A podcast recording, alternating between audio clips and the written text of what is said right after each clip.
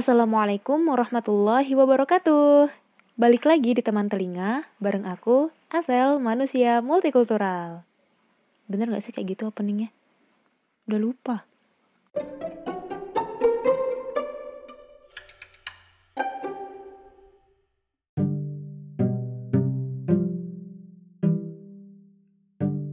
Yeay, akhirnya podcast perdana di tahun 2021 rilis juga. akhirnya setelah sekian hari mencoba untuk recording, akhirnya baru malam ini kesampaian buat recording. Tanggal 11 Februari 2021. Ya, oh gimana keadaan kalian semua? Semoga sehat-sehat aja ya. Semoga selalu dalam lindungan Allah Subhanahu wa taala. Uh, untuk podcast perdana ini mungkin akan sedikit kacau ya. maksudnya nggak terkonsep sama sekali soalnya belum emang belum sempat mau bikin uh, naskahnya kayak gitu jadi ya udahlah ya seadanya aja kayak gitu dan emang uh, untuk podcast perdana ini uh, seperti yang udah mungkin teman-teman tahu sebelumnya asal ada kayak ngasih kayak kolom kolom pertanyaan gitu ya di Insta Story teman telinga underscore. Jadi untuk podcast pertama ini kita bakal main santai aja dulu, nggak usah terlalu serius. Uh, jadi sesuai seperti yang sudah disebutin sebelumnya, asal bakal uh, ngejawabin atau ngereaksi nih uh, pertanyaan-pertanyaan atau pernyataan yang udah masuk dari uh, Insta Story at teman telinga underscore. Jadi yuk kita mulai aja. Oke, yang pertama itu ada dari Marcelino Jonanda. Ya, apa yang dia bilang nih? Finally, I think about college. Finally, I think about college. Alhamdulillah, alhamdulillah, alhamdulillah. Ya, tapi nggak apa-apa sih. Maksudnya kalau uh, dalam perkuliahan atau dalam sekolah, khususnya kuliah ya, ya, ya alhamdulillah sih. Maksudnya hmm, kebanyakan kayak maba gitu kan mereka tuh kayak rajin banget gitu di semester 1 kan kayak uh, semua tugas tuh dalam sekejap selesai kayak gitu tugas dikasih uh, semenit yang lalu sama dosen sejam berikutnya udah selesai kayak gitu kan. Saking rajinnya kayak gitu. Tapi ada juga sih beberapa mahasiswa yang mungkin agak nyantai dulu gitu kan di awal-awal. Mungkin kayak uh, ya membaca situasi dulu lah sebenarnya kayak gimana sih kuliah itu. Uh, terus emangnya ngapain aja di kuliah? Mereka explore explore terlebih dahulu lah kayak gitu kan. Ya nggak apa-apa sih alhamdulillah. Daripada uh, apa namanya semangatnya itu menggembor-gembor di awal di awal tuh udah jor-joran banget kayak gitu. Terus nanti di akhir-akhirnya malah turun gitu kan. Ya disayangkan juga sih. Cuman ya nggak masalah juga kalau misalkan memang di awal teman-teman bukan malas-malasan tibanya ya. Ya sedikit santai terlebih dahulu lah. Kayak tibanya pemanasan dulu nih. Warming up dulu lah ya kayak gitu. Terus nanti uh, setelah setelah itu setelah membaca situasi oh ternyata kuliah seperti ini. Dan mungkin ya dalam perjalanan dari awal maba sampai uh, sekarang itu kayak nyusun strategi kayak gitu ya. Nyusun strategi gimana sih uh, cara kuliah yang efektif kayak gitu. Alhamdulillah daripada uh, kendor diakhirkan tapi memang lebih lebih bagusnya kita konsisten sih uh, semangatnya dari awal sampai akhir ya. Walaupun nanti ada masa-masa uh, turun lah kayak semangatnya atau apa gitu kan. Masa-masa futur kayak gitu. Ya wajar kayak gitu karena nggak uh, bisa juga kita uh, terus semangat gitu pasti akan ada uh, titik jenuhnya juga tapi jangan lama-lama kayak gitu aja sih jangan berlarut-larut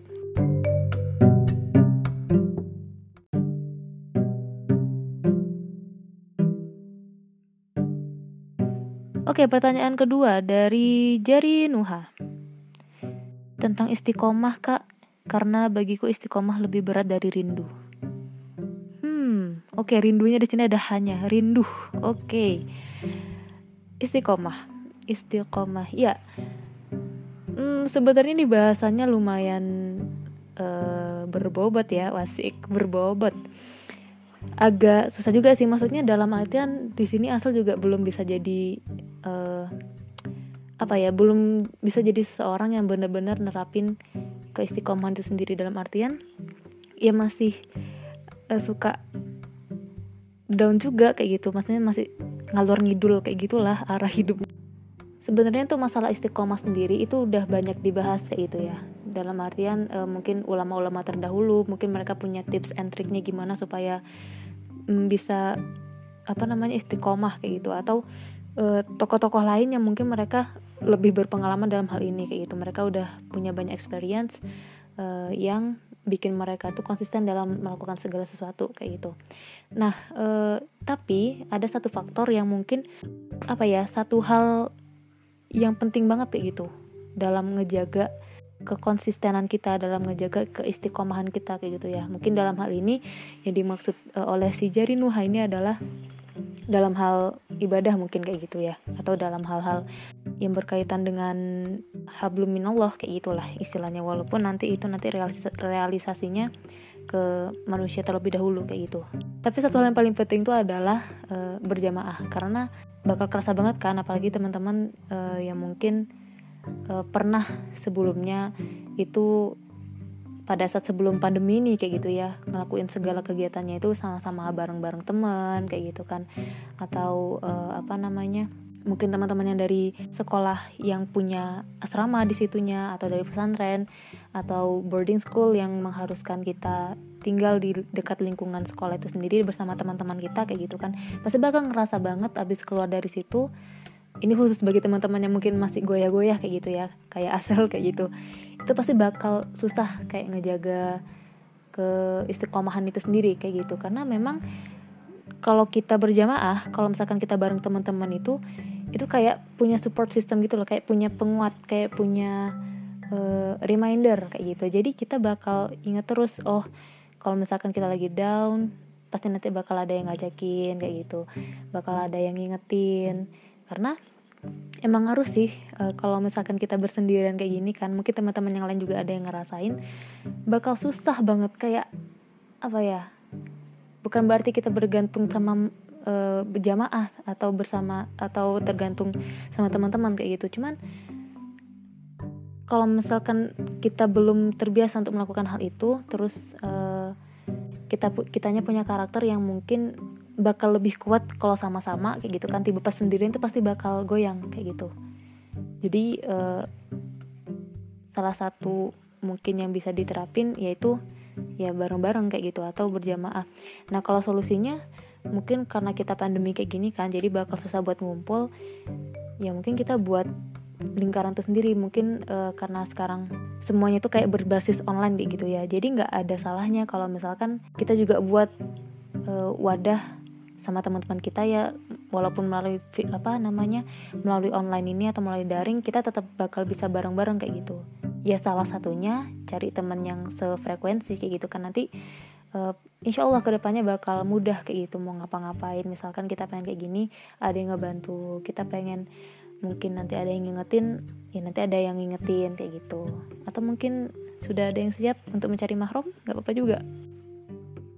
Oke pertanyaan terakhir ya karena cuma ada tiga pertanyaan yang masuk jadi kita jawab ini untuk pertanyaan terakhir.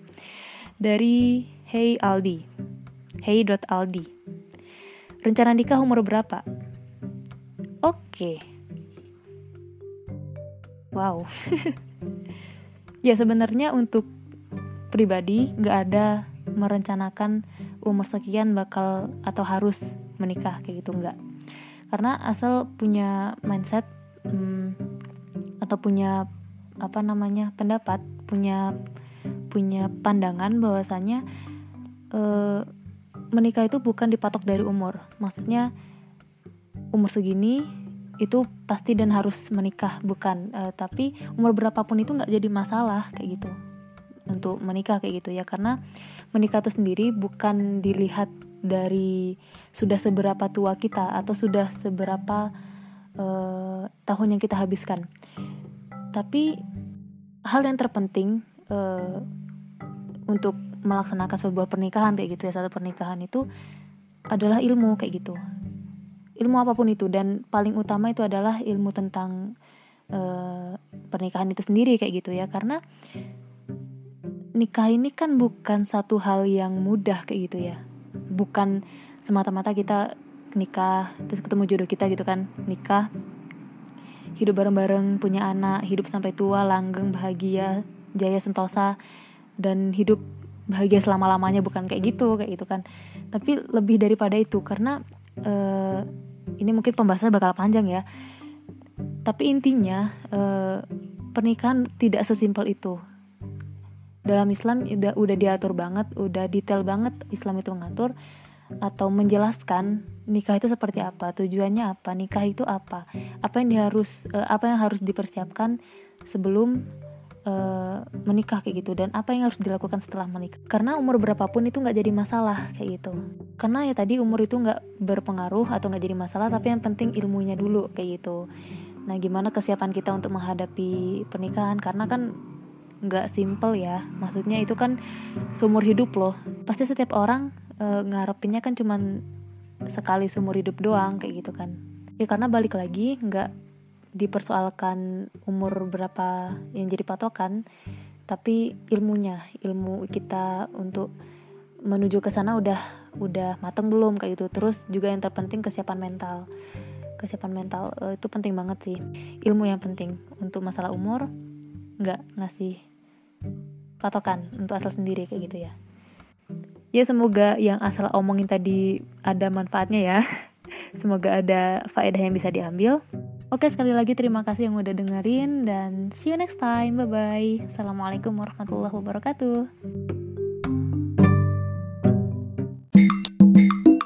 Eh ternyata ada satu pertanyaan yang nyangkut di DM rupanya.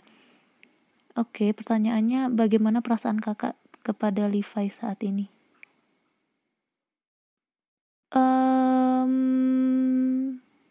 udah biasa aja sih karena udah gak ada nonton lagi. Tapi nggak tahu ya kalau misalkan besok nonton final seasonnya. Soalnya belum ada nonton banget.